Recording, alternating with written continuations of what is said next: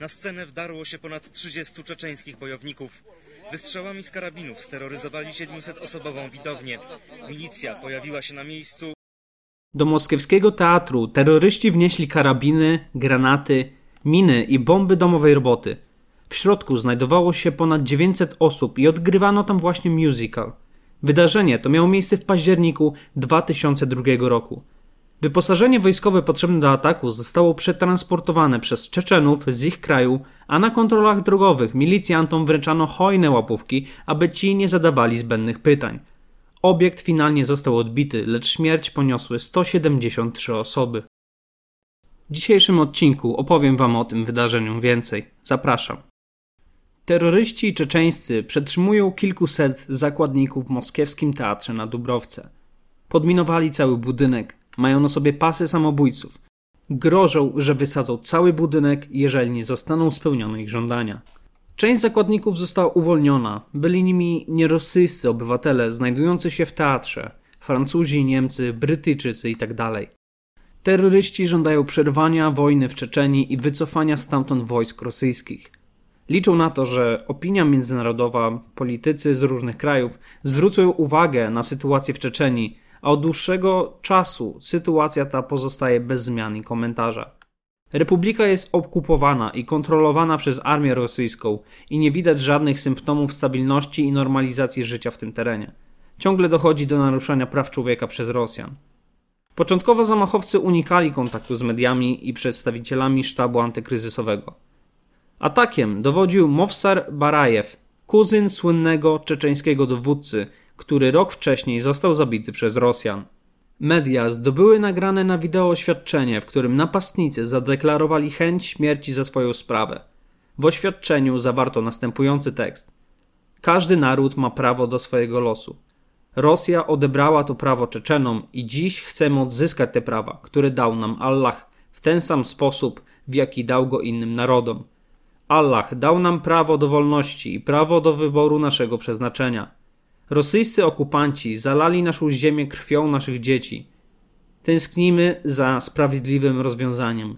Ludzie nie są świadomi istnienia niewinnych ludzi, którzy umierają w Czeczenii szejków, kobiet, dzieci i słabych. Dlatego wybraliśmy takie podejście. Takie podejście służy wolności narodu czeczeńskiego i nie ma różnicy, gdzie umrzemy. Dlatego zdecydowaliśmy się umrzeć tutaj w Moskwie i zabierzemy ze sobą życie setek grzeszników. Jeśli umrzemy, inni przyjdą i pójdą za nami, nasi bracia i siostry, którzy są gotowi poświęcić swoje życie na sposób Allaha, aby wyznaczyć swój naród. Nasi nacjonaliści zginęli, ale ludzie powiedzieli, że oni, nacjonaliści, są terrorystami i przestępcami, ale prawda jest taka, że prawdziwym zbrodniarzem jest Rosja. Rankiem 26 października 2002 roku rosyjskie siły specjalne, Specnaz, przy wsparciu rosyjskiego Ministerstwa Spraw Wewnętrznych otoczyły i zaatakowały teatr. Wszyscy byli ciężko uzbrojeni i zamaskowani. Zgasły reflektory oświetlające główne wejście do teatru. Służby bezpieczeństwa wpompowały do teatru przez system klimatyzacji środek znieczulający w aerozolu oparty na fentanylu. Czeczeni, z których część była wyposażona w maski gazowe, odpowiedzieli strzelając ślepo do rosyjskich pozycji na zewnątrz. Po 30 minutach, kiedy gaz zaczął działać, rozpoczął się fizyczny atak na budynek. Połączone siły weszły przez liczne otwory w budynku, w tym dach, piwnice i wreszcie drzwi wejściowe. Część osób zasnęła, niektórzy z bandytów posiadając maski oddechowe walczyła. Po prawie półtorej godziny sporadycznych strzelanin, rosyjskie siły specjalne wysadziły drzwi do głównej sali i wdarły się do środka. W zaciętej strzelaninie federalni zabili większość biorących zakładników, zarówno tych, którzy jeszcze nie spali, jak i tych, którzy ulegli gazowi. Pomimo doniesień, że kilku terrorystów zostało schwytana żywcem i wyprowadzona w kajdankach, rząd rosyjski twierdził, że wszyscy zakładnicy zginęli podczas szturmu. Terrorystów dobijano strzałem w głowę. Oszołomionych gazem zakładników rozwożono do szpitali, gdzie lekarze skarżyli się, że nie mogli udzielić im fachowej pomocy, gdyż nie znali składu użytego gazu. Żołnierze specnazu kwalifikowali akcję jako udaną i komentowali, że gdyby to był zwykły szturm, mieliby 150 ofiar wśród swoich ludzi plus zakładników.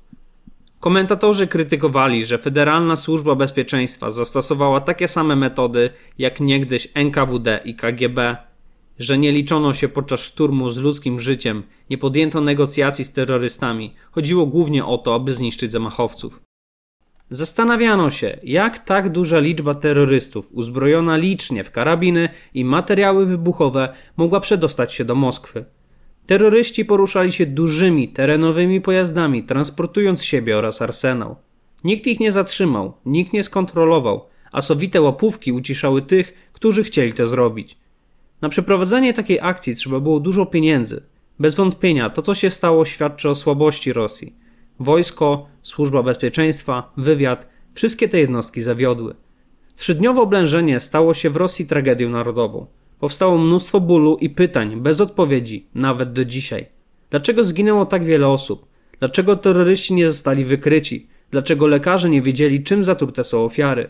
Kto jest odpowiedzialny za tę tragedię, włącznie z rosyjskimi służbami? Zapewne na te pytania odpowiedzi już nie padną, ponieważ w 2007 roku, po pięciu latach od tych wydarzeń, śledczy umorzyli trwające dochodzenie w sprawie tragedii. Co roku 23 października w rocznicę ataku pod teatrem zbierają się bliscy ofiar. Wypuszczają oni balon za każdą z ofiar, odmawiając modlitwy i wspierając się. Do zorganizowania ataku na teatr przyznał się czeczeński dowódca Szamil Basajew, uważany w Rosji za terrorystę numer jeden.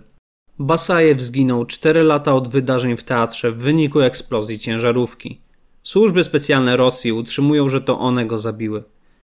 Zamach na moskiewski teatr na Dubrowce był kolejnym z serii aktów terrorystycznych dokonanych przez czeczeńskich terrorystów. Dwa lata od wydarzeń w teatrze śmiercią wielu dzieci zakończył się zamach na szkołę w Biesłanie w 2004 roku, gdzie śmierć poniosło blisko dwa razy więcej ludzi, ponad 300 osób.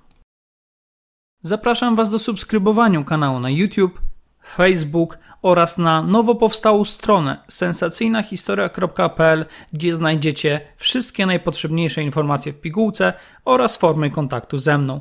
Dziękuję za uwagę, do usłyszenia w przyszłości.